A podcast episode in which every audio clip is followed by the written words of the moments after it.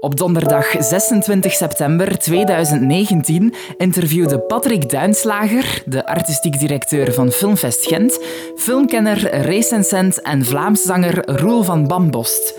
Dit in het kader van de Filmfest Gent Talkies. De Talkies zijn een initiatief van Filmfest Gent in samenwerking met Bibliotheek De Krook en Vorming Plus. Welkom, Roel. Uh, ik ga geen lange introductie doen, want het zou een beetje beledigend zijn voor u om uit te leggen wie dat Roel is.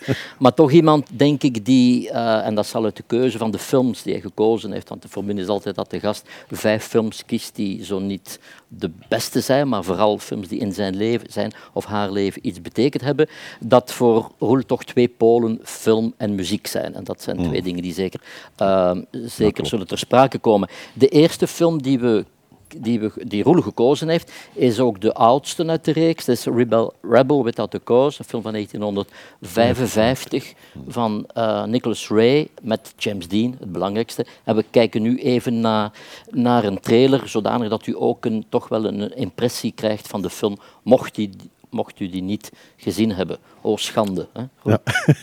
ja.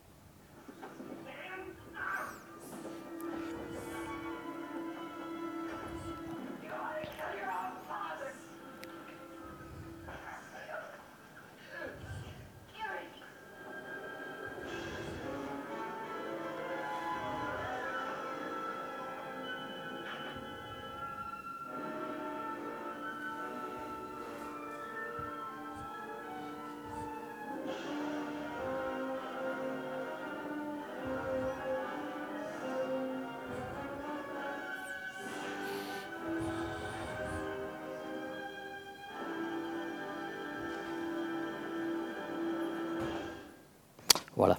Ja. ja, Roel, ik wist dat. Ik weet dat jij een grote fan bent van uh, James Dean. En, maar Klopt. ik wil je even uitleggen wat, wat hij in jouw leven betekend heeft. In de zin van als je opgroeide. Uh, want hij was een symbool, uiteraard. Ja.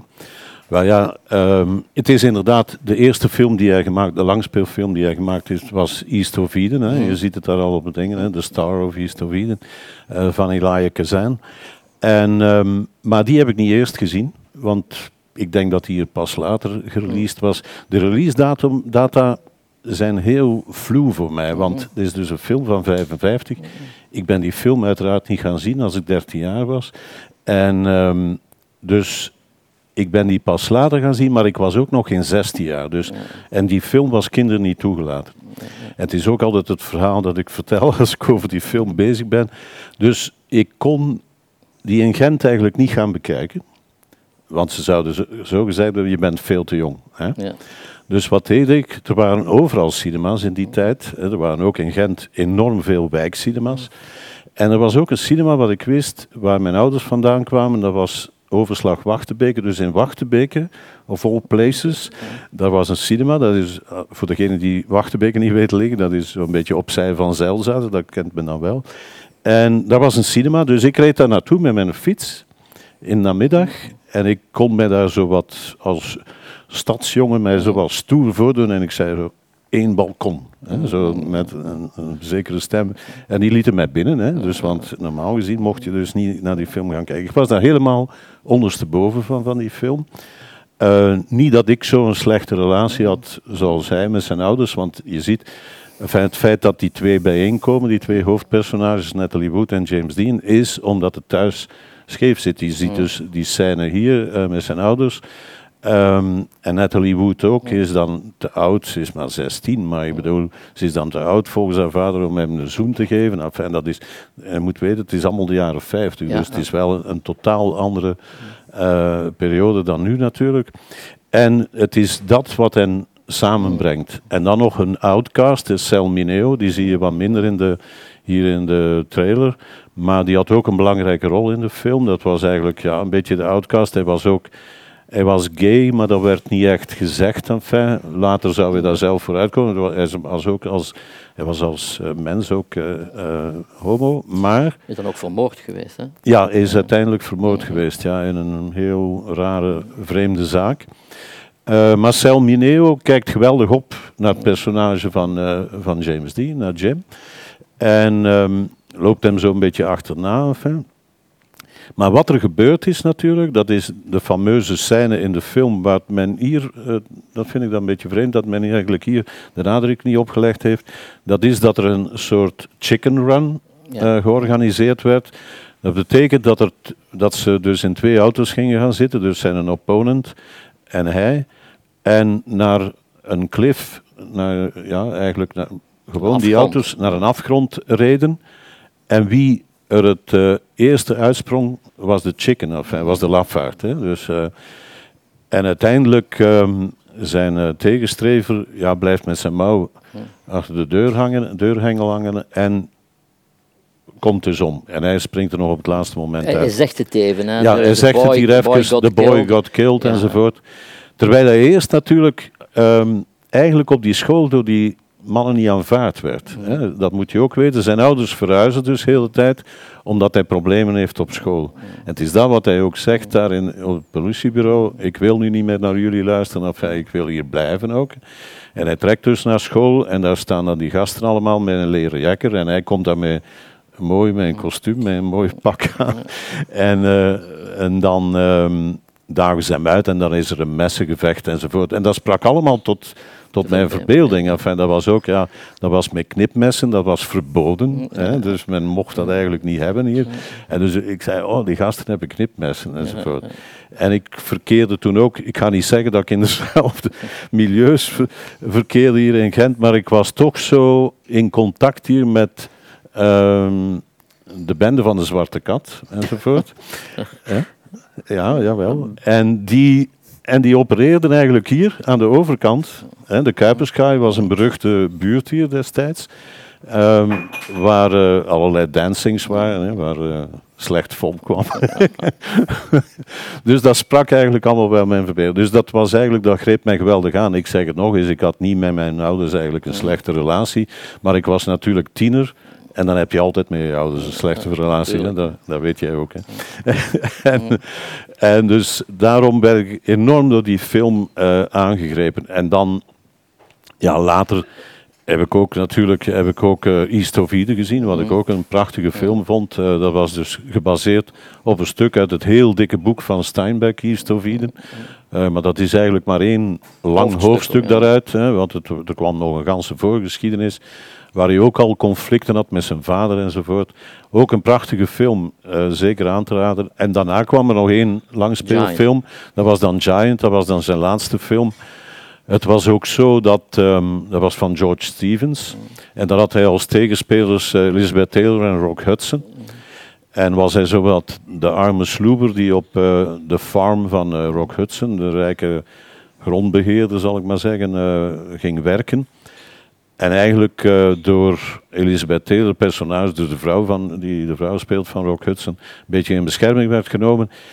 En ook, hij kwam zeer goed overeen met de zus van Rock Hudson. Ik vertelde, omdat hij dan op een zeker moment, als uh, zij sterft, een stuk grond erft. Waar dan later olie opgevonden wordt. Dus het is ook een epische roman geweest van Edna Farber, die um, die dan uitlegt waarom er in Texas al die olieraffinaderijen gekomen zijn. Want in het begin waren dat gewoon farms. Hè. Je zou dat kunnen vreemd vinden, want veel gras groeide daar niet, maar ze hadden toch enorme veestapels. En, um, en Rock Hudson was eigenlijk een veeboer. Hè. Uh, maar hij ontdekt dus olie en daardoor wordt hij rijker dan zijn vroegere baas, die, hem, die eigenlijk op hem neerkeek enzovoort. Dat was een beetje zijn wraak. Dus dat was de derde film. Maar als de derde film uh, gedaan was, afgelopen was, ja, dan is hij verongelukt. Hè. Dus nog voordat hij uitkwam, denk ik. Nog voordat hij uitkomt. En ook, ik meen zelfs... Voor die. Voor deze, voor Rebel Without a Cause. Ja, het is ook zo. Um, hij is verongelukt en dezelfde avond of zoiets, met het tijdsverschil, want hij is verongelukt in Californië, de première in New York. En zij, Natalie Wood, Sal Mineo, noem maar op, die waren er allemaal. En vernamen daar het nieuws na afloop of zoiets van uh, Dean is verongelukt. En dat sloeg natuurlijk in als een bom bij hen. Of, hè, want ja, ze, voegden, ze waren eigenlijk een hechte gemeenschap tijdens het draaien van die film. En Nicholas Ray, hè, je hebt hem al genoemd, de regisseur, had daar eigenlijk voor gezorgd. Hij was, was ouder dan zij, hè, maar hij wou dus hebben, hij, hij wist wel iets over die tieners en die opstandige tieners. En het was ook eigenlijk naar um, de Blind Run. Dat was zoiets over ontspoorde jongeren mm. in feite. Uh, dat, was, dat was een treatment dat in zijn handen gekomen was. En hij heeft daar dan een scenario over geschreven, maar is ook stilaan de mensen beginnen zoeken die hij wou. En hij wou dus Dean. Um, Alhoewel Elijah Kazan, waar dat hij eigenlijk mee bevriend was, want zij hadden samengewerkt in de Actor Studio in, in New York, um, uh, had het hem afgeraden, want die, vond, die kwam eigenlijk met James Dean niet goed overeen. En, um, maar Nicholas Ray zette dat door, want hij had hem dan ontmoet bij, op een party en hij zei, ja, dat is de geschikte man om, om dus dat te spelen. En dan heeft hij eigenlijk ja, die jongeren bijeengebracht en ook van hen geleerd hoe dat hij verder dat scenario moest opbouwen. En wat dat er ook uitzonderlijk was in die tijd zeker, want het waren de studio's natuurlijk die dat allemaal dicteerden en men, had niet te veel vrijheid. Maar Nicholas Ray was eigenlijk bekend als een rebel, hè, zoals de titel hier ook zegt, rebel, maar with a cause. Want hij uh, ging dikwijls in tegen de, ja, tegen de Studio, studio's in en tegen het studiosysteem in Hollywood enzovoort. Dus hij, um, hij ving daar een beetje zijn voeten aan en hij, um, ja, hij slaagde erin om die gasten eigenlijk tot ja, iets, iets nieuws enzovoort. Je zal dat misschien hier, als je die film ziet nu, zal je dat waarschijnlijk ouderwets vinden, maar toen was dat absoluut niet evident. Alles die manier van acteren. Die manier van acteren, hè, dat inhouden. Want ook de openingsscène waar nog de titels op komen van de film zelf hier, ligt uh, James Dean op de grond, want hij is dus dronken. Hè, vandaar dat hij opgepakt wordt door de politie.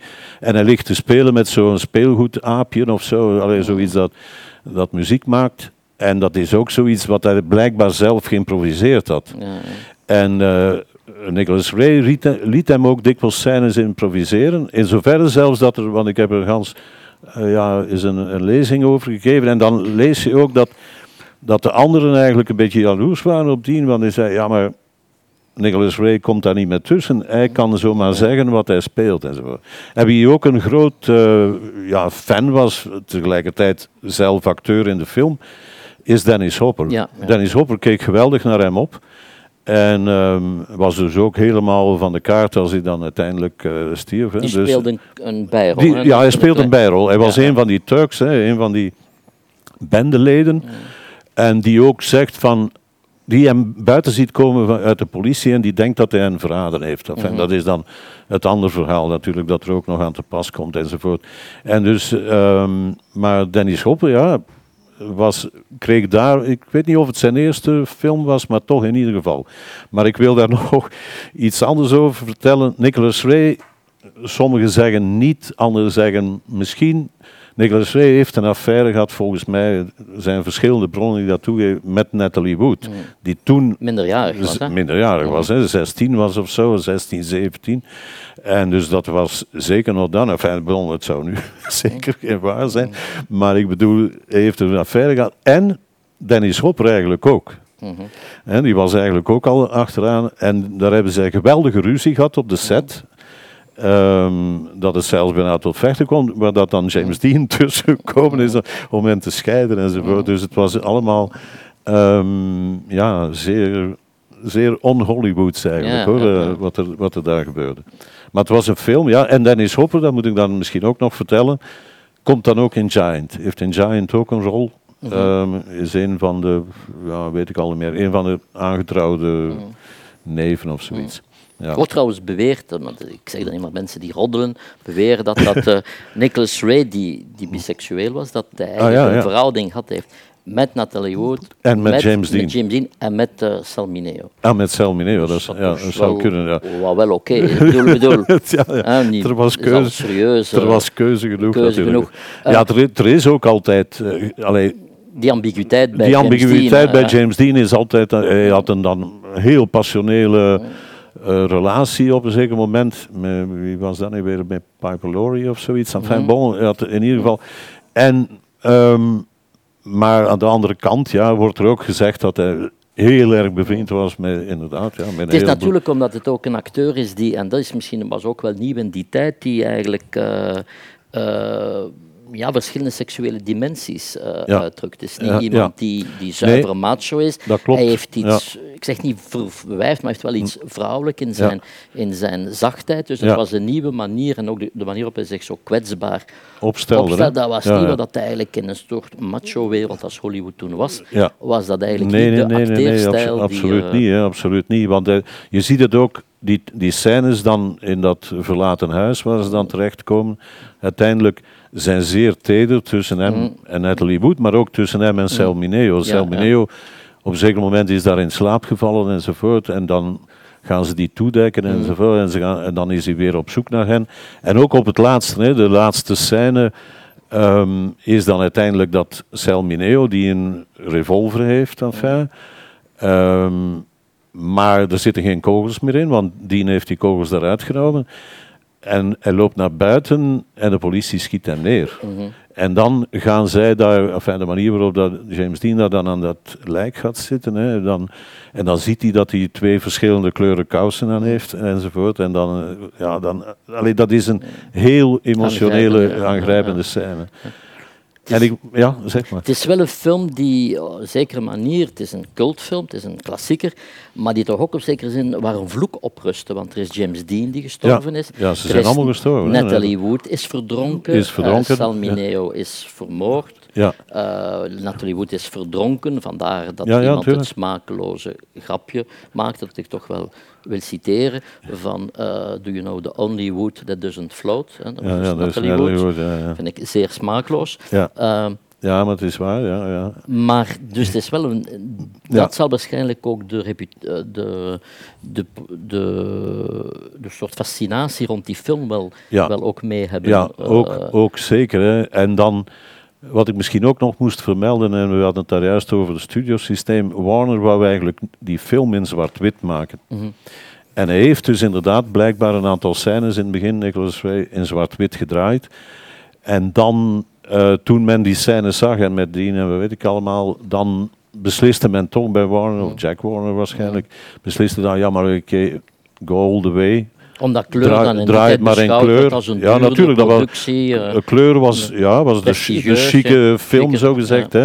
En, eh, en dan in cinemascoop, hè, Ja, ook, ja, hè, wat ook eh, belangrijk is. Hè. Ik bedoel, dat was ja, het nieuwe medium. Mm. dat is ook eigenlijk in 55 of misschien iets vroeger, 54 ontstaan. Mm. En dat herinner ik mij omdat aan de Dampoort toen, hier in Gent, een nieuwe cinema gebouwd werd. De Normandy. We zeiden in Gent de Normandie, maar bon, het is de Normandy. En die werd gebouwd speciaal om cinemascoopfilms. eh, want de eerste film die ze, daar gedraaid, die ze daar gespeeld hebben, was ook The Rope. En The Rope, de mantel, dus de mantel van Christus. En dat was inderdaad Ja, ook de eerste, de eerste cinemascoopfilm. En dan hebben zij daar, maar dat was dan niet meer van die Europe had geweldig succes uh, bij het publiek, maar men draaide dat geen twee weken. Dat was iedere week moest men een andere film uitbrengen. En daar, daar heb ik nog Vertigo gezien, ook van Hitchcock enzovoort. Dus alleen bedoel, daar werd uh, ja, niet anders dan uh, scope-films gedraaid. We moeten nog natuurlijk veel andere films. Ja, ja, één laatste ding zeggen misschien, omdat het toch interessant is voor het publiek. Je hebt hier die, die trailer gezien, maar in die trailer zie je op zeker moment zo'n scène op de trap waarin ze alle, alle drie zo toch wel zeer opvallend gekadreerd zijn. En waar je ziet dat uh, Nicholas Ray op een fantastische manier gebruik maakt van dat, van, dat, van die ruimte hè, en van dat, en van dat cinemascoopformaat. En er wordt ook gezegd dat hij... Um, voor hij films begon te regisseren, heeft hij een tijd lang gestudeerd bij de beroemde Amerikaanse architect ja, uh, Frank, Lloyd, Wright. Dat klopt, en er wordt gezegd dat zijn gevoel voor ruimtelijkheid daar wel zal ontstaan daar zijn. Daar natuurlijk komt, op een andere manier uh, naar verhaaldingen tussen diagonalen en zo. Dat is wel zeer opvallend. Ja, dat is zeer opvallend, absoluut. Die, ja, ja, en die je dan zo mooi Die ook, dat, dat is natuurlijk een heel eenvoudig idee, maar dat, dat toont ook dat conflict en de afstand tussen die mensen die eigenlijk de een op de andere ja, ja, zijn vader, zijn moeder die boven staat en die altijd de plak zwaait natuurlijk in dat gezin. En zijn vader die eigenlijk, want hij pakt dan zijn vader vast. Die veel te zeggen heeft. Die, de, Jim Beckers was dat als uh, acteur enzovoort. En um, ja, dat was, dat was een heftige scène hoor. Allee, als je dat zag vroeger, dat was... Ik was ook blij dat, en je hebt het waarschijnlijk ook meegemaakt, dat een aantal jaar geleden Martin Scorsese een nieuwe gerestaureerde versie in Berlijn, in Berlijn heeft voorgesteld aan het publiek. Dus hij is ook een grote fan. Um, we zijn van hetzelfde jaar trouwens. En hij is natuurlijk degene die al de films uh, wil bewaren in een oorspronkelijk, en zeker de kleurenfilms, want dat was, niet, dat was niet evident. Die kleuren waren aan het vergaan en ze hebben een nieuw procedé mm ontwikkeld, waar ze de, de, drie verschillende kleuren, hoofdkleuren, dus weer bij elkaar voegden en daar nieuwe kopijnen van maakt. En hij is dat komen voorstellen in Berlijn. Voilà, nu gaan we naar de tweede film. Dat is uh, Easy Rider uh, van Dennis Hopper, die er ook een rol in speelt. En zal zien dat Roel iets heeft met uh, Dennis Hopper, want er zijn niet minder dan drie films van de ah, vijf klopt, waar Dennis Hopper in speelt. is inderdaad waar. Het was me eigenlijk nog niet echt om. Dit wist ik natuurlijk.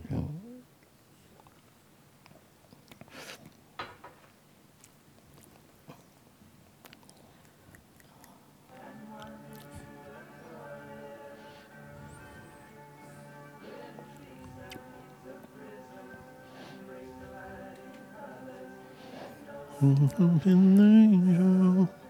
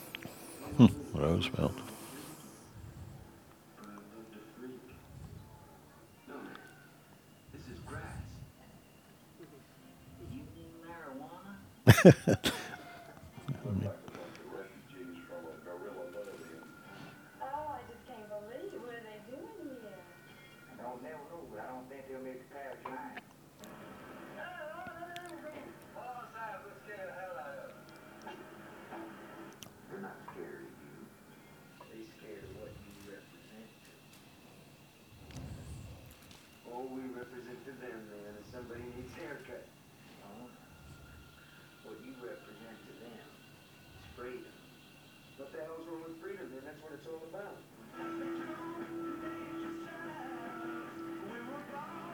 I'm doing,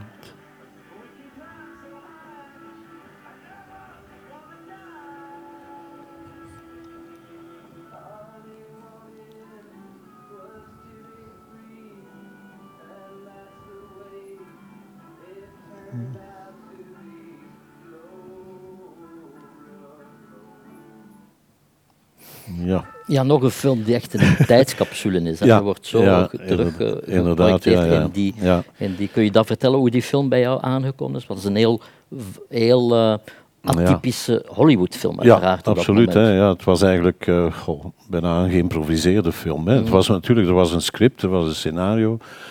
Um, en het is eigenlijk uh, ja, twee mannen inderdaad ja, op zoek naar Amerika, is een groot woord, maar dat was wel de bedoeling. Um, maar ze wouden dus rijden van, van um, Californië dus naar New Orleans om mee te doen aan Mardi Gras. Je ziet ook een paar beelden, daar zal ik straks nog wel iets over zeggen.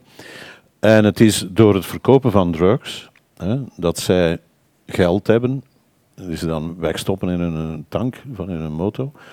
En dan naar kinderen rijden. Of, en dan gewoon. Eh, dus ja, op zoek naar vrij, vrijheid, en fijn, wat uh, Jack Nicholson dan weer zegt. Want ze geraken op een zeker moment in een gevangenis ergens. Uh, en dan, hij krijgt dan daaruit, want hij is eigenlijk advocaat. En wat moet ik nu zeggen als, als voorgeschiedenis? Dat is dat zij eigenlijk alle drie, zowel Dennis Hopper, Peter Fonda als uh, Jack Nicholson, werkten allemaal voor Roger Corman. En Corman maakte in de jaren 50, begin van de jaren 60, maakte hij films die ehm, wij exploitation movies noemden. Hè. Dus eigenlijk, eh, er was een genre dat zich aandiende en hij maakte daar een film over. En wij maakten meestal eerste affiches. Mhm, ja. En dan schreef men zowel een, ja, een kort script als het ware. En dan maakte men pas de film. Hè. Dus dat was eigenlijk een, een systeem. Maar we moeten zeggen dat Corman enorm veel werk verschaft heeft aan een heleboel regisseurs die later heel bekend geworden zijn. Dus onder andere, ik zal het er straks ook nog over hebben, pardon, Coppola, Scorsese, uh, zijn allemaal bij hen begonnen. Bogdanovic ook. Bogdanovic is daarbij. En er is nog iemand waar ik nu de naam mee ontsnap, maar bon, toen er nog een. Ehm, en dus, uh, maar verschillende, hè? er zijn er heel veel. En Jack Nicholson werkte daar ook als, als scenarist mm. en zo. Hè? Dus nog niet als, als acteur. En dan zij twee wel. Dus hij had vroeger al gewerkt met um, met Pieter Fonda. Pieter Fonda die ook een bike movie gemaakt had, Wild Angels. hè. Uh, in plaats van Hells Angels waren het Wild Angels. Maar er kwamen ook al ja, serieuze, scabreuze uh, scènes in. Want we was niet bang om daar bloot in te steken. En ook uh, mensen, er komt ook een lijk in waarmee gesold wordt enzovoort. In die Wild Angels. En dan wou uh, Corman, wat hij had gehoord van mensen die LSD namen enzovoort. Maar hij was, al, hij was een oudere man. Ik heb hem ooit een paar keer geïnterviewd, onder andere in Hollywood zelf in zijn bureau. En hij, hij was al wat een oudere man, maar hij zag wel geld in al die nieuwe trends. Dus hij, zei, oh ja, dus hij wou een film maken die heette The Trip, de LSD-trip dus. En hij vroeg aan, uh, aan dus Fonda en, en dingen, en uh, Dennis Hopper om daarin te, mee te spelen. Bruce Dern kwam er ook in, geloof ik. Want was, die zat ook al in Wild Angels. Dus dat was zo'n ganse groep acteurs enzovoort die eigenlijk werk kregen dankzij hem. Maar hij zei, ja, ik weet daar eigenlijk niet zoveel van, dus willen jullie mij helpen om dat te doen? En zij hebben dat dus effectief gedaan.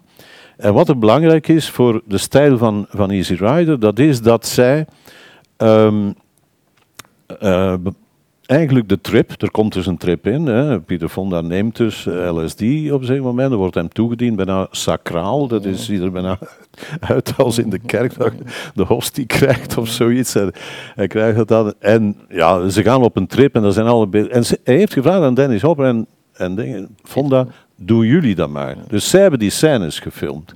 En daar hebben zij het procedé al gebruikt.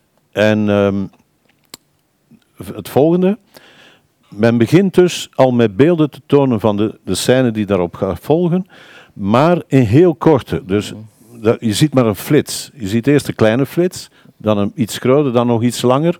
En dan komt die scène. En dat, hebben ze, dat procedé hebben ze helemaal overgenomen voor zichzelf. Ja, ze hadden het zelf uitgevonden of gevonden. Of, in, een, in Easy Rider ook. Daar heb je dat ook. Je hebt dus hè, er is een bepaalde scène geweest. En, en dan zie je al ping, ping. En dat is meestal ook, dan hebben ze dat ook nog eens op de, op de maat van de, van, muziek. van de muziek gedaan natuurlijk. Want de muziek, daar kom ik meteen toe, uh, speelde ook een grote rol.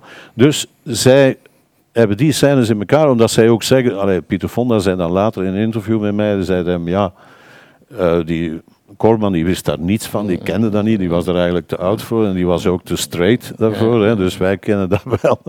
En wij wilden dat doen en daarom liet hij ons eigenlijk maar doen uh, enzovoort. Dus hij heeft gedaan. Dan het tweede grote facet en waardoor die film er ook uitgekomen is, want als je hem terugziet, er zitten toch scènes in die wat te langdradig zijn en die, wat, die eigenlijk ook niet zo helemaal geslaagd zijn. Maar goed, dat is dat ze dat gemonteerd hebben op bestaande muziek. Hè. Dat werd daarvoor ook nooit gedaan. Men maakte een, film, men maakte een soundtrack. Of met klassiek orkest of wat dan ook, of een kleine groep. Maar nooit met eigenlijk met popsongs of rocksongs liever. En zij deden dat wel.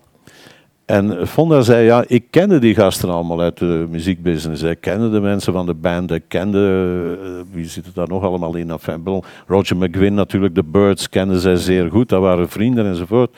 Dus ze gingen daar naartoe en ze zeiden, ja, hè, krijgen wij, mogen we dat gebruiken?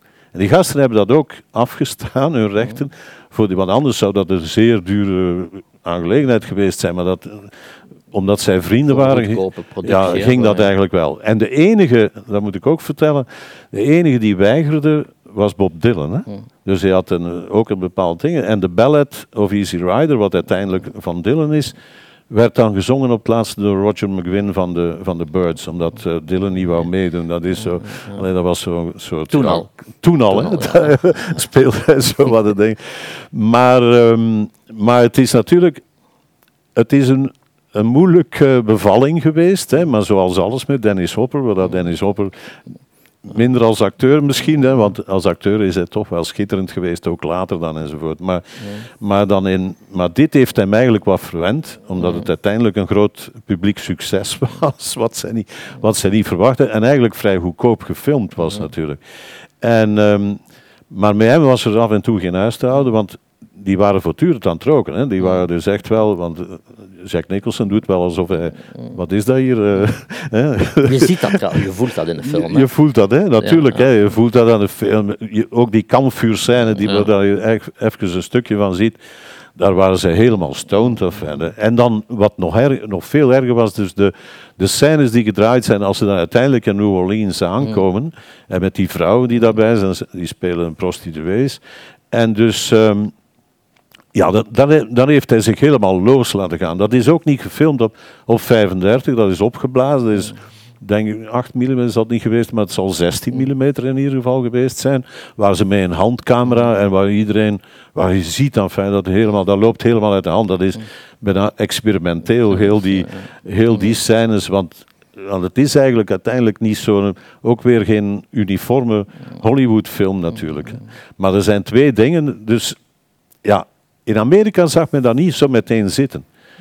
Maar hun film werd ook ingestuurd in Cannes voor de competitie. En zij, maar nu weet ik niet goed, en het is een beetje vreemd dat ik dat zie op de, op de trailer. Er wordt hier gezegd dus dat zij de Palm d'Or zouden gewonnen Nee, niet de Palm Nee, dat is het. Maar volgens mij hebben ze de prijs van de, de Camera d'Or gekregen. Dus de prijs van de eerste film. Ja. Want zo lees ik het. Uh, ik heb het gisteren nog eens gecheckt. Enfin, er staat erop van A Prize of First Movie. En dat mm. moet de camera door geweest zijn. Allee, dat kan dat niet anders. nog niet zo heten. Nee, dat kan ook zijn. Dat is later Dat kan ook zijn. Maar dat, kan zijn misschien een film voor, voor de eerste, uh, prize voor de first film. Maar wat er toch opvalt, vind ik, die vind ik als ik daar stukken uit zie, hm. dat is dat uh, Pieter Fonda en, uh, en, en Dennis Hopper ja, ze hebben zoals ze zeggen, la gueule de l'emploi, dus die zijn heel goed in die rol, omdat ze ja, ja. zo zijn. Ja, zo omdat zijn ze, zo waren natuurlijk. Maar dat dan Nicholson die toch volledig van het doek speelt. Dan heb je die Nicholson ja, ja, die in die film die misschien komt. tien minuten of acht minuten inkomt. en dat is wat iedereen zich herinnert. De naam Nicholson was absoluut niet bekend nee, nee, maar iedereen zegt toen, dat, is wel, dat is wel, dat is wel iemand... Uh, ja. En, dan enkele jaren later is Nicholson, maar het heeft niet lang geduurd, of hij stond aan de top. maar zo een entree maken in een film... Uh, ja, het is ongelooflijk.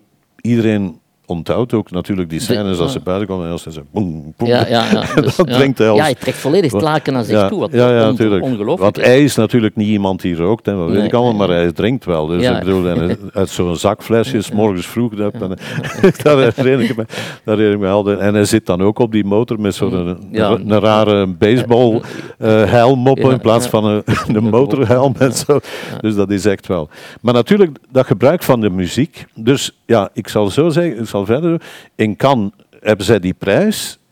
In Amerika schrikt men daarvan. Oh, die hebben een prijs enzovoort. En dan is dat pas groot uitgebracht. En dat heeft ook ja, ettelijke miljoenen op, opgebracht. En dan is het dus ook zo geworden dat de films die daarna, of filmmakers die dat zagen en die zeiden van ja, mai, die gasten doen dat met bestaande muziek, met popmuziek, met rockmuziek. Wij gaan dat ook doen. En er is zo'n ganse periode geweest dat ik denk dat de klassieke componisten een beetje een ander in hun nagen zaten. Dat ze zeiden, oei, dat wordt hier, onze job wordt hier afgenomen. Want de meeste die films die daarna kwamen waren bijna Maar allemaal... Dirk componeerde er nog niet. Ah ja, oké, eh, ja, dan zijn we gerust. Hè? Maar ik zie wat je bedoelt. eh, Ja, ja, eh, ja. Nee, maar dat was, het is waar. Hè. Er kwamen een ganse reeks films. Hè. En, eh, en straks ga ik het hebben over Coppola. Maar bijvoorbeeld, Coppola is daar een voorbeeld van ook al. You're a Big Boy Now bijvoorbeeld. Een van zijn eerste films. Dat was dan eigenlijk allemaal muziek, met muziek van de Loving Spoonful. Maar dat zou dus vroeger allemaal geen waar geweest zijn. Enfin, bedoel, dat is echt wel begonnen door, door Easy Rider. En ik heb, ja, Pieter Fonda is nog ooit naar de première gekomen, naar de studio. Maar niet voor, deze, niet voor Easy Rider, maar voor The Hired Hand. die, Hij heeft- ook, die hij geregisseerd die hij zelf geregisseerd heeft. Zo'n eh, beetje Western, een eh, vreemde western, ja, maar zeer mooi, zeer mooi gefilmd. Met muziek dan weer van Bruce Langhorne, wat dan wel instrumentaal was enzovoort. Maar prachtige film, maar die heel weinig gedaan heeft aan de box office. En hij was daar geweldig door gefrustreerd, want jaren later, dus als ik... eh, ik heb die reeks gemaakt, Celluloid Rock, gebruik van rockmuziek in de film. En dat was in 79, 80 dat ik met hem een interview gehad heb in Los Angeles.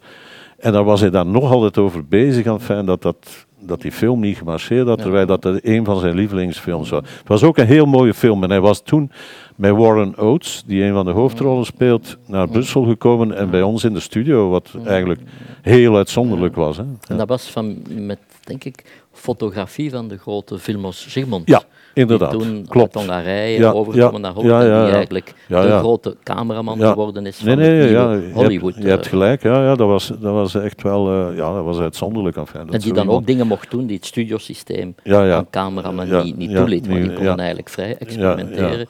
Dus in die zin is, zijn die twee toch, is die film zeer belangrijk ook geweest. Hè? Easy Rider en, Absoluut, en de, de deuren openen naar nieuwe benaderingen.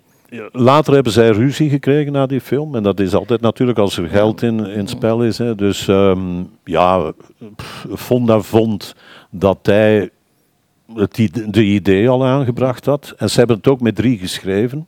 Maar ja, geschreven kunnen wij tussen aanhalingstekens zeggen. Terry Southern kwam er ook bij te pas en Dennis, Dennis Hopper. Ehm, ja, en Dennis Hopper was de regisseur van de film, dat wel. Hè, maar hij was dan weer de producer enzovoort. En hij had dat treatment geschreven en hij had dat idee, hij was met dat idee aangelopen. En dus hij vond dat hij dan niet genoeg van die inkomsten gekregen had enzovoort. Daardoor is er een grote ruzie gekomen.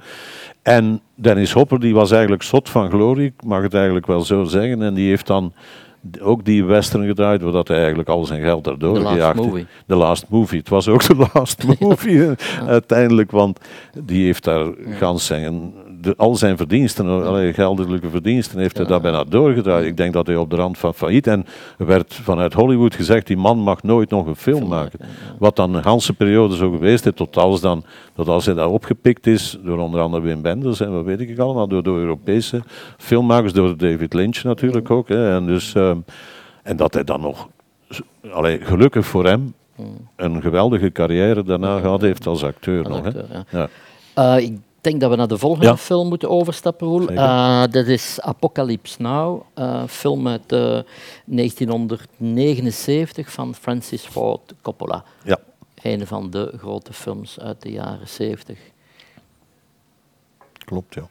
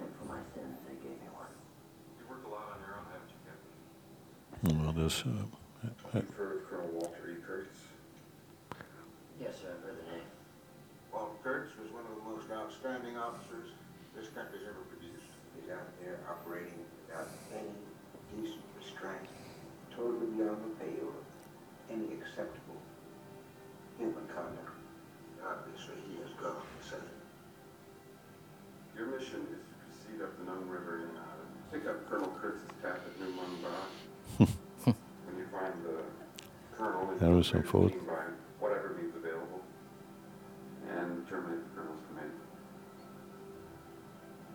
Terminate with extreme prejudice.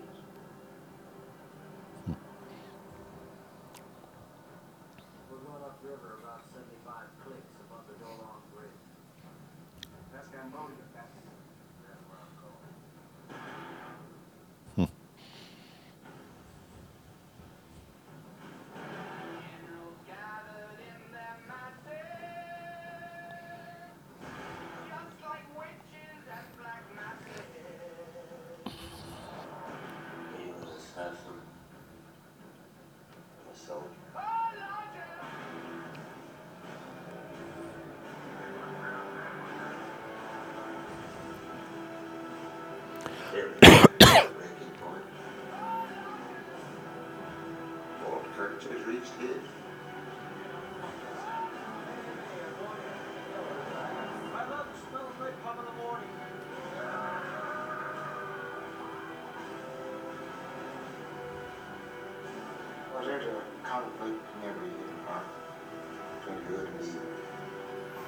does not always triumph.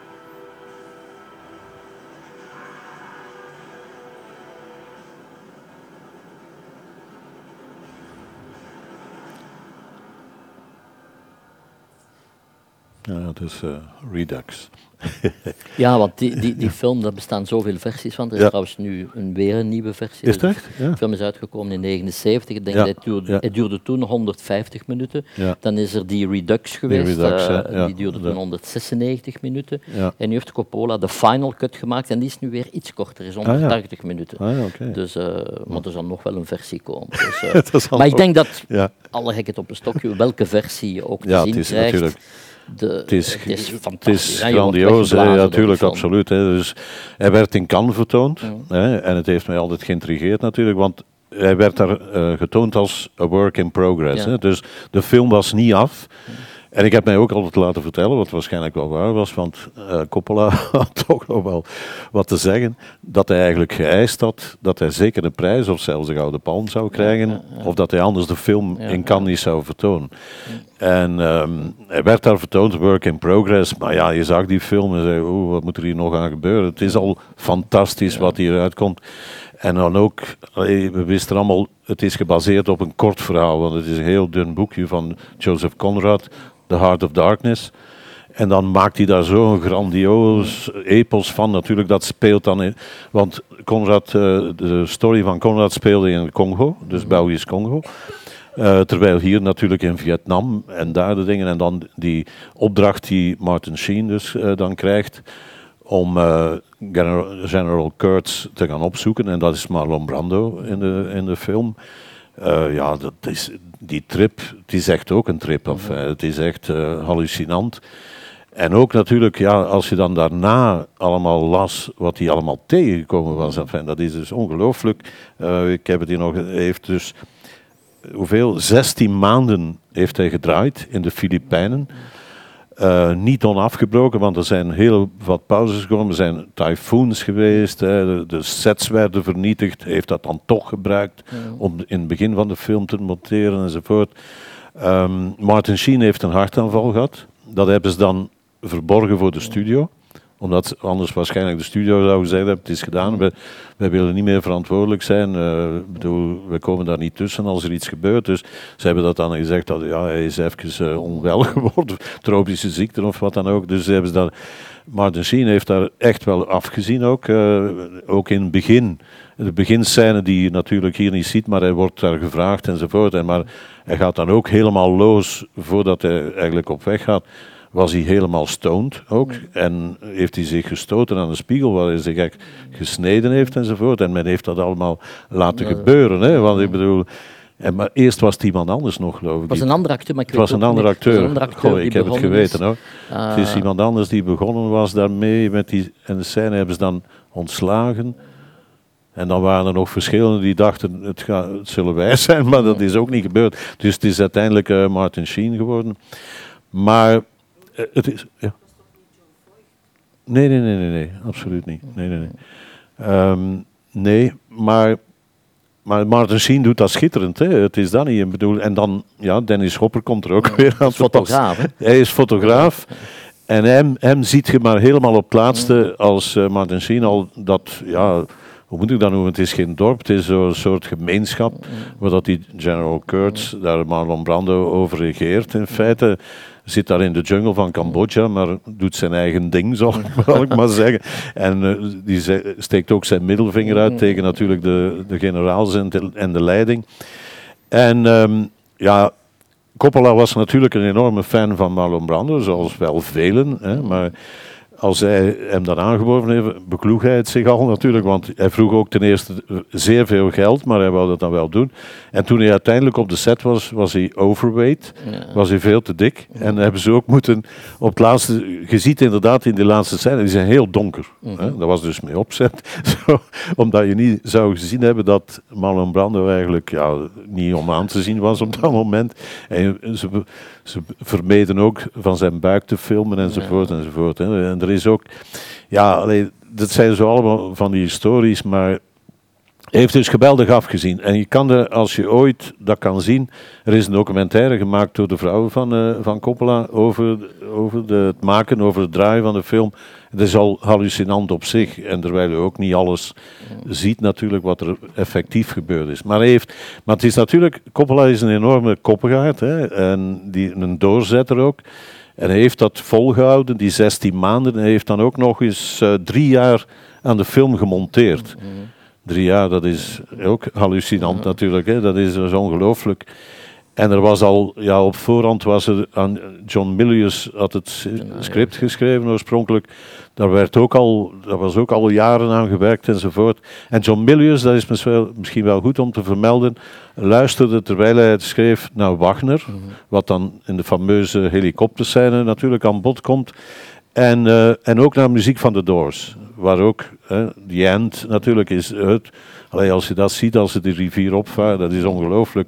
Dat, dat hij dat uitgekozen heeft van The Doors, die ook ja, die ongelijke muziek maakten, hoor, dat niet altijd even goed was enzovoort. Maar Jim Morrison was ook een poëet. Er zijn ook gedichten die voorgelezen zijn. Er is een tekst die voorgelezen wordt in Apocalypse Now, dat eigenlijk een tekst is van Jim Morrison, van The Doors. En eh, er zijn zo allerlei dingen af, hè, die daar echt wel... Maar, en dan ook de manier waarop dat gemaakt is en ook eigenlijk het zotte van de oorlog, af, hè, dat, dat komt daar zo in. Terwijl dat je veel oorlogsbeelden zou, eh, ziet en dat je me zou denken, het is een ode aan de oorlog. Integendeel, hè, het is echt wel... Ik herinner me Een dat Coppola aanklacht. zelfs zei over die film.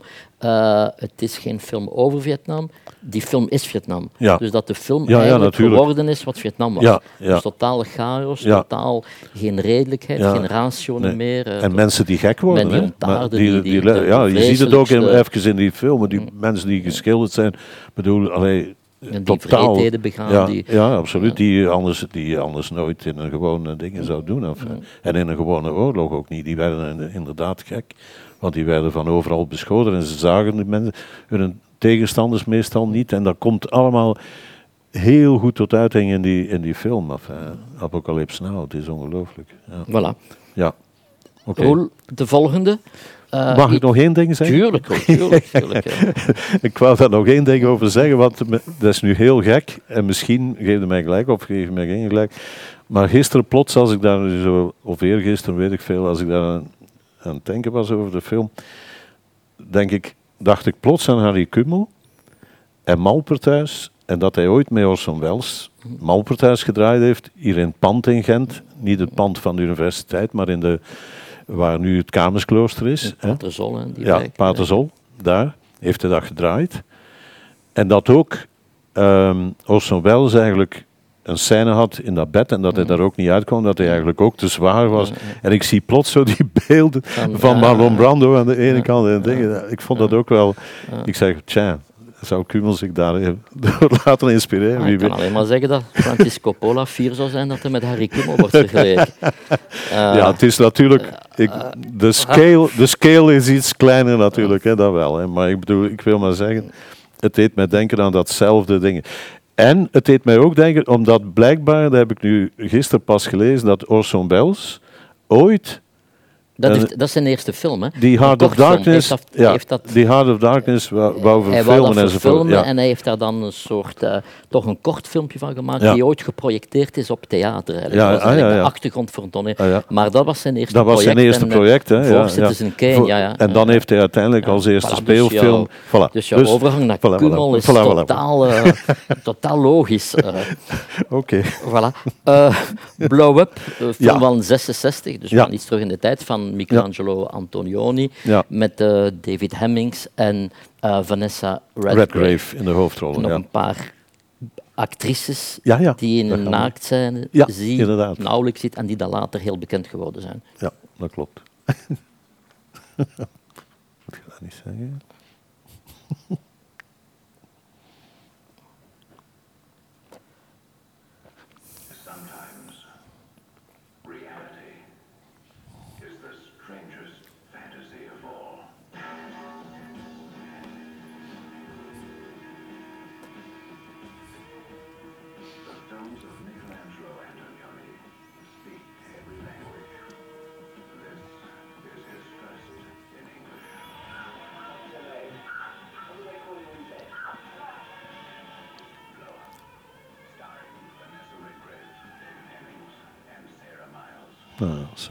today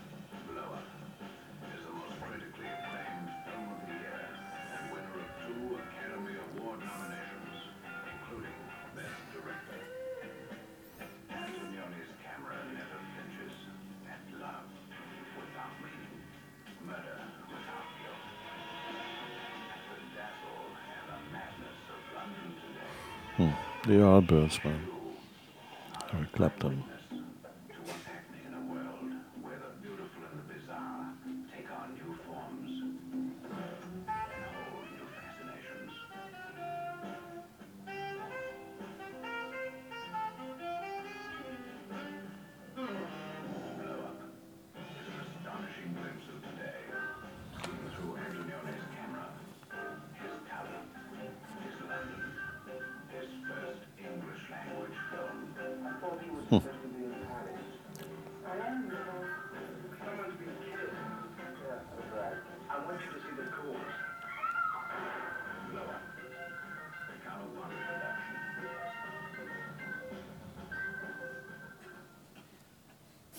Antonioni Ja. toch een beetje de, de vreemde eet de bijt, vind de buit, ja. Omdat, eh, Wel, ja, ik, zeg maar. ik was... eh, in die periode was ik pas afgestudeerd aan Trits. En eh, in Trits, ja, moesten wij ook zo'n beetje de ernstige films bekijken natuurlijk. En, en bespreken, waar ik ook Bergman leren kennen heb in Trits. En Antonioni was eigenlijk, misschien vreemd genoeg, maar was, was toen een van mijn favoriete regisseurs. Met, vooral met zijn trilogie La Ventura, La Notte en L'Eclisse. Ehm, en ik vond het boeiend, omdat je dan ook je zit op de filmschool en weet ik veel. Maar ik vond het boeiend dat hij dus inderdaad. De filmische tijd is gelijk aan de reële tijd. Ik zal dat altijd onthouden. Enfin, dus sommigen vonden dat very boring. Hè, was dat, eh, maar ik vond dat prachtig. En ik vond dat ook. Het, alle drie die films zijn in zwart-wit. Eh, Monica Vitti speelt in alle drie. Eh, Jean Moreau komt ook- in een. Alain Delon komt in een, van die films. Ehm, en het gaf zo ja, de tijdsgeest weer van toen. De verveling die er ook bestaat. De, eh, de spanning tussen koppels ging het meestal, over relaties tussen man en vrouw.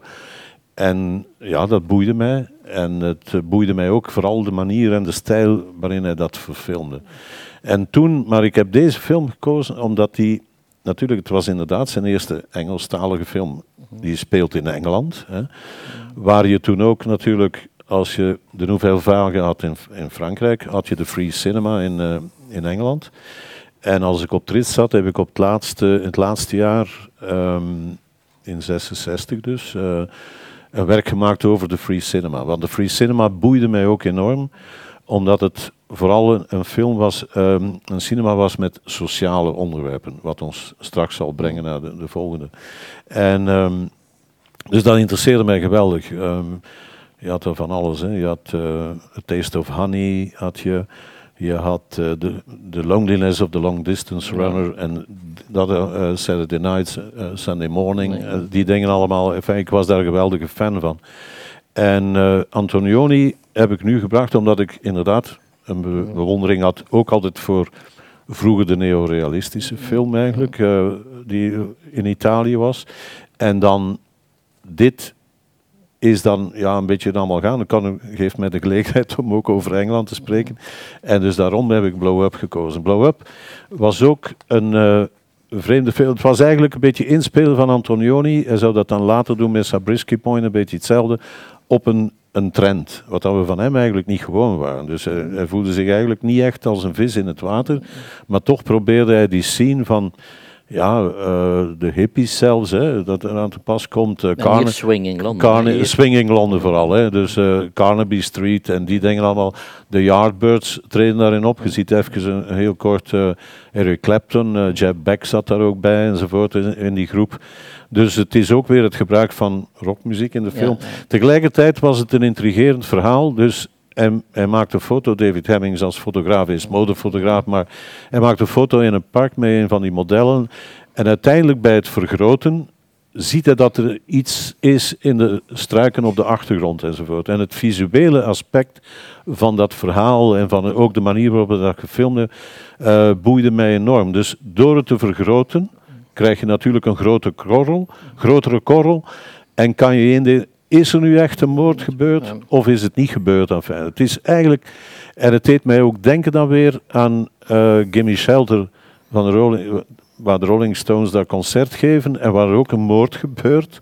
En waar ze dan ook eh, de Mails Brothers, waar ze dus ingezoomd hebben en ook het beeld vergroot hebben Van iemand die van neergestoken iemand, wordt ja, die neer, en waardoor dat je ook op een zeker moment denkt, ja, is het zo met de vinger, of is het een pistool?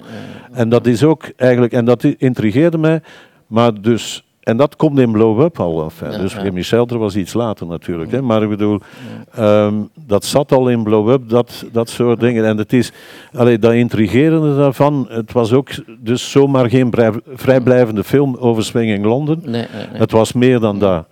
En het, het ging ook over eh, wijken die dan in waren enzovoort. En ik herinner me altijd een zin uit de dingen. Er zijn zo twee. eh, iemand zegt: Oh, it's a trendy. eh, eh, ja, moet ik zeggen? It's a trendy region of zoiets. When there are already queers with poodles in the neighborhood. en ik vond dat altijd heel grappig dat hij dat, dat, hij dat daarin gestopt had. Enfin, zo die, al die facetten eigenlijk van, eh, van de nieuwe wijken van Chelsea en, en Londen enzovoort. Enfin, dus ik vond dat wel ik vond dat op die manier boeiend. En ehm, ja, hij heeft dan inderdaad Sabrisky Point gemaakt, waar hij ook weer een beetje, daar was het meer eh, het accent op hippies, enfin, want het gaat over een hippie meisje, die, en ze, ze bedrijven dan de liefde in de woestijn in, eh, Dat, in eh, Sabrisky Point. Death Valley, Death Valley, Valley, inderdaad. En dan heeft hij nog professioneel reporter gemaakt met Jack Nicholson. Dus Ja, dan zijn we ook weer bij, ja, ja, ja. bij Nicholson. Hè. Wel, ik ben heel blij dat je lans breekt voor Antonioni, want ik denk dat we dat toch wel mogen zeggen, dat hij een van de grote regisseurs is. absoluut. Hè. Ondanks het feit dat de meest succesvolle Vlaamse regisseur vindt dat Antonioni zou moeten verboden worden op filmscholen. Ah ja, oké. Alright. Dus eh, ik zou nu zeggen... Ik zal dat wij- noteren. Genoteerd, voilà. Dus eh, Nee, nee, maar ja. nee, ik ben heel blij dat je die film gekozen hebt. En natuurlijk, de- I, Daniel Blake, dat is de, de vijfde film. Dat is de laatste eh, film, ja. Van, van ehm, Ken Loach. Van Ken Loach. Een ja. film Ja. die enkele jaren geleden op het, film, op het festival de openingsfilm was. Ja. de, de meest recente film ook, van de vijf van Roel. Ja. Ah, voilà, het staat er nog op. voilà.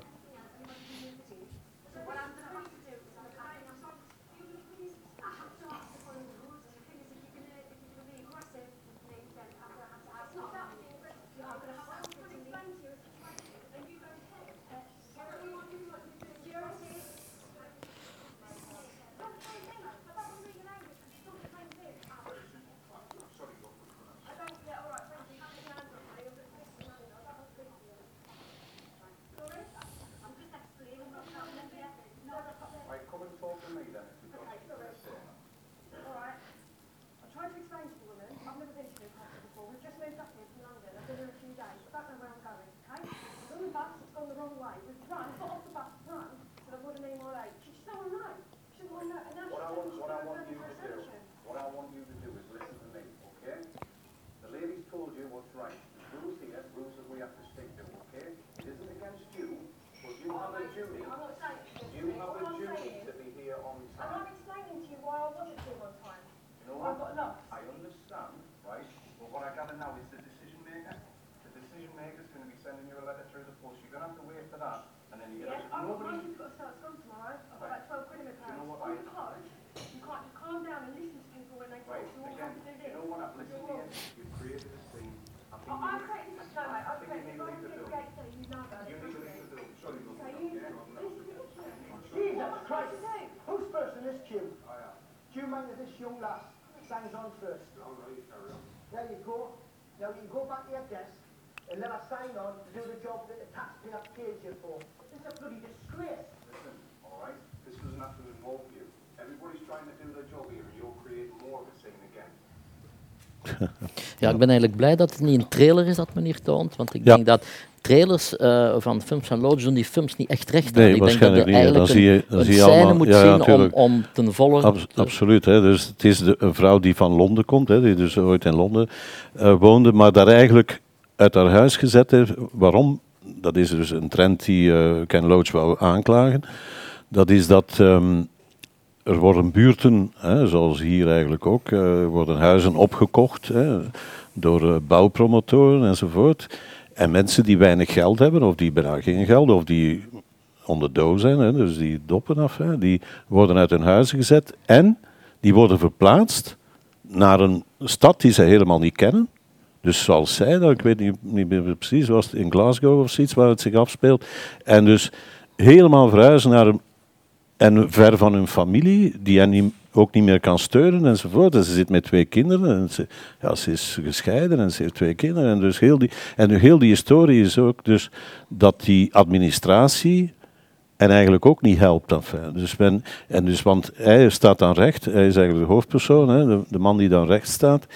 En hij is eh, 58 jaar, hij heeft een hartaanval gehad, dus hij kan niet meer op regelmatige manier gaan werken. En dan zeggen ze tegen hem, ja maar je had maar via de computer een formulier moeten invullen of opsturen of zo. Maar die man kent natuurlijk geen, niets van computers. En men wil het hem wel leren, maar dat is allee, flauwekul, hè, bij wijze van spreken. En hij gaat ook dan op eigen initiatief werk zoeken en daar wordt hij voor gestraft in feite, want daar krijgt hij weer geen geld van.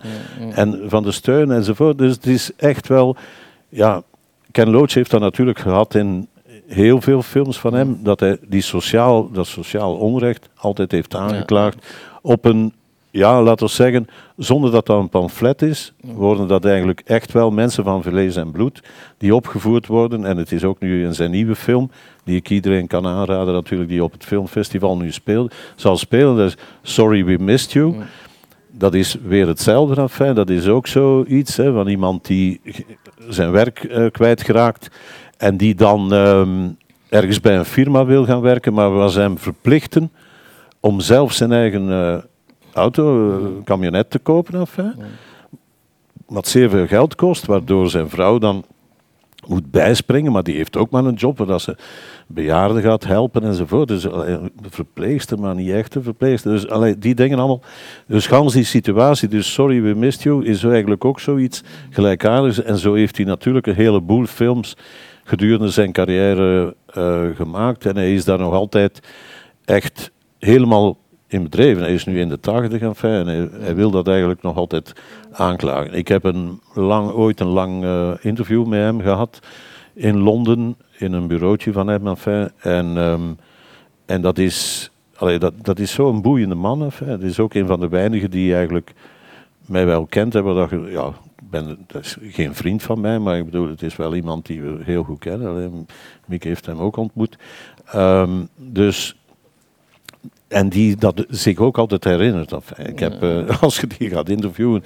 En hij werkt nu al sinds een aantal jaar met zijn eh, Schotse medewerker, scenarist Paul Rafferty. En dat is, allee, dat is eigenlijk ook een match made in heaven. Enfin. Dus zij voelen elkaar heel, heel sterk aan. Er zijn ook veel Schotse verhalen tegenwoordig. Dus het is echt wel.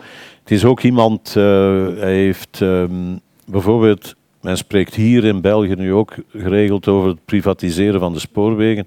Hij heeft daar ooit een eh, film over gemaakt, The Navigator.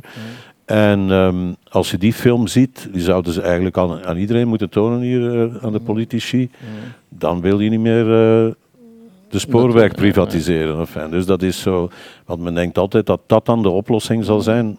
No way natuurlijk. Zo de films van, veel Ja. films van Ken Loach ook aan alle bedrijfsleiders moeten ja, inderdaad. Ja, ja, ja, Maar wat ik enorm bewonder aan Loach is, eh, zijn eerste films maakte hij. Zijn eerste film was Kes. Ja. Ja. begonnen bij tele- televisiefilm, maar dan Kes, speelfilm. Is dat het iemand die altijd trouw is gebleven aan zijn idealen. Terwijl Ja. je toch veel mensen hebt, en niet dat ik daar Ja, ja. Een, een uitspraak moet over doen, maar meestal is het toch zo dat die idealen afgezwakt Worden. raken, dat je ja, verburgerlijkt raakt. Ja, en, eh, natuurlijk, en hij is daar altijd eh, trouw gebleven aan zichzelf. eh, heel ook expliciet in zijn afkeuren. En in Ja, ja, tuurlijk, ja, ja. Amerika bijvoorbeeld, zeer Ja, ja. kritisch. eh, Ja, ja, ja, ehm, absoluut. Dus eigenlijk is hij, vind ik, zo jij die ook vaak de, de mensen in de wereld van de film internationaal kent, zijn er weinige mensen met die integriteit. ja, ja. Ik bedoel ook een Ja. persoonlijke integriteit. Ja, Want ik vind ook, klopt, ja. de films kunnen het wel zijn, maar die Ja. ook, eh, de, fi- de man die je ziet, is de man van de films. Ja, ja, dat klopt. Hè. Dus hij is inderdaad, voor Kes had hij nog Poor Cow gemaakt. Ja, dat, kan je nog ja. zo, dat kan je nog zeggen, want dat het een beetje ja. Eh, aansluit bij de free cinema. Maar daar is hij zelf niet zo tevreden Nee, over. Eh, dat was met Terence Stamp inderdaad. Mm. Hè. Eh, met een liedje van Donovan op de soundtrack. En hij zegt altijd dat, allee, hij zei dat tegen mij toen, dat, dat hij hem opgedrongen was. enfin, om dat allemaal wat commerciëler te maken. Dus het was in kleur. En, eh, Ja, ja. en, zijn, en ehm, hij is eigenlijk begonnen in televisie. Hè, dus waar hij dus al soort pamflet, daar maakte hij wel Soms over pamfletaire... stakingen, hè? Ja, Over- over stakingen onder andere. En het is eigenlijk ook door de frustratie dan, op een zeker moment heeft hij een lange televisiedocumentaire gemaakt en die is nooit uitgezonden. En hij was daar nog altijd, als ik hem, met hem sprak een paar jaar geleden, was hij er nog altijd kwaad over. Maar hij is dan wel vanaf de jaren 90 eigenlijk, vanaf 90 precies, ja, een hele reeks films eh, gemaakt, hè, die dus eh, allemaal sociaal-kritische films waren. Hè. Ik spreek Hidden Agenda, dat was dan nog een beetje een buitenbeentje met Francis McDormand. Maar Riff Raff, Ja. Raining Stones, hè, zijn Lady Bird, Lady Bird, hebben we nog samen gezien, herinner ik me nog in, in Berlijn. Berlijn, ja, Berlijn op de dingen. Maar de meeste zijn eigenlijk wel in Cannes vertoond hè, van zijn films. Land and Freedom, dat was dan eigenlijk ja, kritiek op, eh, op dingen natuurlijk. Carlos Song. Over de Spaanse burger. ja, over de Pa- Spaanse burger. My Name is Joe, Bread and Roses, The Navigators, wat ook de juist al, Sweet 16. Enfin, hij heeft altijd heeft één dingen eh uitzondering gemaakt. Looking for Eric, dat ging over Voetbal. Eric eh, Cantona, dat was natuurlijk de voetballer, want hij is een enorme voetbalfan ook. Daar verschillen we een beetje in mening. Ja, ja. Maar, eh, maar voor de rest zijn het dus altijd van die sociaal-kritische films gewe- geweest. En hij heeft, ook, heeft uiteindelijk toch twee gouden palmen gekregen in, eh, in dingen. De, eh, in Cannes, één voor The Wind That Shakes the Barley, maar dat is dan een historische Pol- film politiek eigenlijk. ook, zeer politiek, ja. Zeer politiek, over de Ierse kwestie natuurlijk. En, over, en Daniel Blake, hè, voor Daniel Blake heeft hij ook de gouden palm gekregen. Dus ja. Voilà, ik denk dat Ken Loach iemand is heel goed dat we daarmee afsluiten. Ja, ik denk het ook. eh. Hij is, hij is trouwens ook, dat is misschien ook eh, goed om te vermelden, hij is trouwens ooit helemaal in zijn beginperiode beïnvloed geweest door Vittorio de Sica, de fietsendief. Fietsendief, ja. Dus eh, kon ook die neo, dat neorealisme en ook sociale in, inslag natuurlijk. Ja. Dus ik ben, ik ben blij dat je ook de link gelegd hebt naar die nieuwe film Sorry We Missed You, want dat is de film, een van de films die we tonen op, eh, op Filmfest Ja, Gent. dat begint Gent, op 8 oktober. Ja, en ik wou nog even zeggen dat we in oktober niet onze reguliere maandelijkse aflevering hebben juist, van de talkies, maar dat we de, wat de daily talkies hebben. En het is dan ook gepast dat we hier alle twee zitten, want die daily talkies worden ofwel door Roel gepresenteerd of door mezelf. En dat is dan telkens op de middag vanaf half één tot kwart over één zo. Ja, en ehm, dat is telkens, eh, meestal is het met een ploeg van, van Vlaamse of Belgische Ja, films. klopt, ja. Dus eh, de volledig. Er staan een aantal films al in de brochure, er staan al een aantal films en gasten die zullen komen in de brochure, maar voor een aantal films eh, moeten nog bevestigd worden. En dat kan u dan vinden op de website van De Krook en ook uiteraard de, de Mhm. website van Filmfest Gent. Ja. Voilà, Roel, nogmaals, het rest u te bedanken Ja, voor eh, deze, ja, vond ik toch boeiende. Ik Ja. had eerst gedacht, misschien moet ik tien films vragen aan Roel, maar ik ben blij dat ik dat niet gedaan heb. Omdat, niet dat we niet willen zo lang naar jou luisteren, maar omdat er natuurlijk ook de praktische, eh, het gegeven is dat de, die bibliotheek toch ook sluit op een Ah uur. Ah, Dus ik denk niet dat er eigenlijk Ik had daar geen rekening dat, er mee nog, eh, eh, dat mensen nog vragen kunnen stellen. Ik denk dat het iets Ah, te laat is daarvoor. Ah, se- serieus? Ja, oké. Ah, ja. Nog negen minuten. Tien minuten. Tien minuten. Nee, minu- negen Ah, minuten. negen minuten. Negen Sorry, minuten. sorry, ik had uw duim niet. Shoot. Shoot. Om het de mensen... ja. ja, ik weet het niet, misschien. Nou, misschien was dat iets te agressief. eh. Ja, Ja. Dat, dat volgde u ook wel, hè, Ja. Patrick? Ja. Dat is een beetje zoals... Dat is het einde, het einde van Easy Rider. Ze Ja, nee- ja. Ja, ah, Oei, dat moet er nu niet over.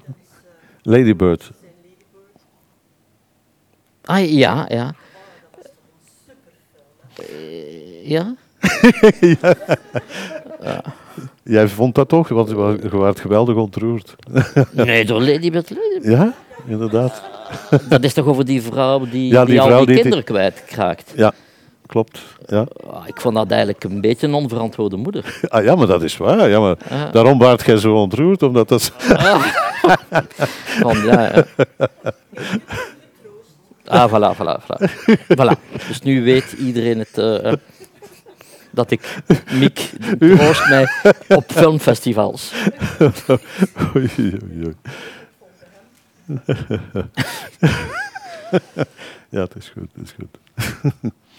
Voilà, we denken dat we het hier Ja. moeten laten, maar dank u voor uw aandacht. En, ah ja, Ah, oei. Wat ik me niet meer herinner, want ik heb al die films uiteraard ook al mhm. maar in Blauwe, Ja, is er dan effectief een moord gebeurd of niet? dat wordt nooit gezegd. dat wordt niet gezegd. Dat wordt niet Nee. gezegd. Dat is daar juist zo Ah, interessant, die, die Ja. ambiguïteit, Ja. die dan ook op het einde is. Want het Ja. einde is een fantastische scène, dat men eigenlijk ehm, tennis... Nee, nee, ja, niet, wat het is weer al zo? Of men, doet, of men doet al zo. Men of zo doet is tennis, dat- maar, men doet het volledig ja, met gebaren, Ja, inderdaad, zijn Maar er is geen balletje Nee, te zien, er is geen klopt, net te zien. En, en, en dat is eigenlijk een scène die heel goed samenvat ook Ja. de perceptie van Ja, waar het ja. Antonio... Want de film is ook een bespiegeling over film en over de Tuurlijk, illusie tuurlijk, ja, van ja, de wat illusie zien van wat beeld, is waar, wat van is beeld en wat is- is... eh, Ja, wat is dus, er eh, echt en, enzovoort. dus- ja. En we zijn natuurlijk dan toch vergeten te zeggen dat een van die blote meisjes dat dat Jane Birkin was. Ja, volgens mij is er dan ook Jacqueline Bisset bij. Ah, dat zou kunnen. En er is ja. nog een derde ook. Ze Ja? zijn alle Ah, drie ja, eigenlijk... drie, ja, ja, ja. Dus zie je maar, mag dat ook zeggen, in deze tijden, dat je ook door Nauwelijks, een, door een kleine naaktscène toch dan nog een zekere beroemdheid kunt... eh, kunt maar ik spreek Je bent zeer, je ik, bent zeer voorzichtig nu. ik spreek filmhistorisch. Ik bedoel, Ah, ik heb het niet dat over... eh, ik heb Dan is het goed, dan de goed. feiten. Ja, geen oordeel. Geen Gewoon oordeel, de nee. feiten. Nee, maar trouwens, De die scène is ook heel mooi. Hè. Die, Ja, ja. het is niet In een dat- in vulgaire dat- blootzijn. Ze zitten Nee, nee, allemaal in die, pap, In dat die, in die papier, rollen of achtergrond, hè, achtergrondrollen van de en, en dat is fotograaf, ballet en dat is super Ja. esthetisch ook. Ja. Dus dat is, voilà, Artistiek. Voilà. artistiek. Voilà. Fun- Functioneel bloot, zegt men dan. Functioneel bloot, ja. Ja, En die films zijn ook, denk ik, allemaal in de bibliotheek te krijgen. Dat is ook wel belangrijk. Die kunnen, kunnen allemaal uitgeleend worden. En we hopen dat we jullie toch, en Roel zeker door zijn enthousiasme, u de smaak te pakken heeft doen krijgen voor films die u misschien niet gezien heeft of die u misschien Ja. toch wel opnieuw wil zien. Ja, oké. Dank u wel. Dank u voor uw aandacht. Ja, dank u.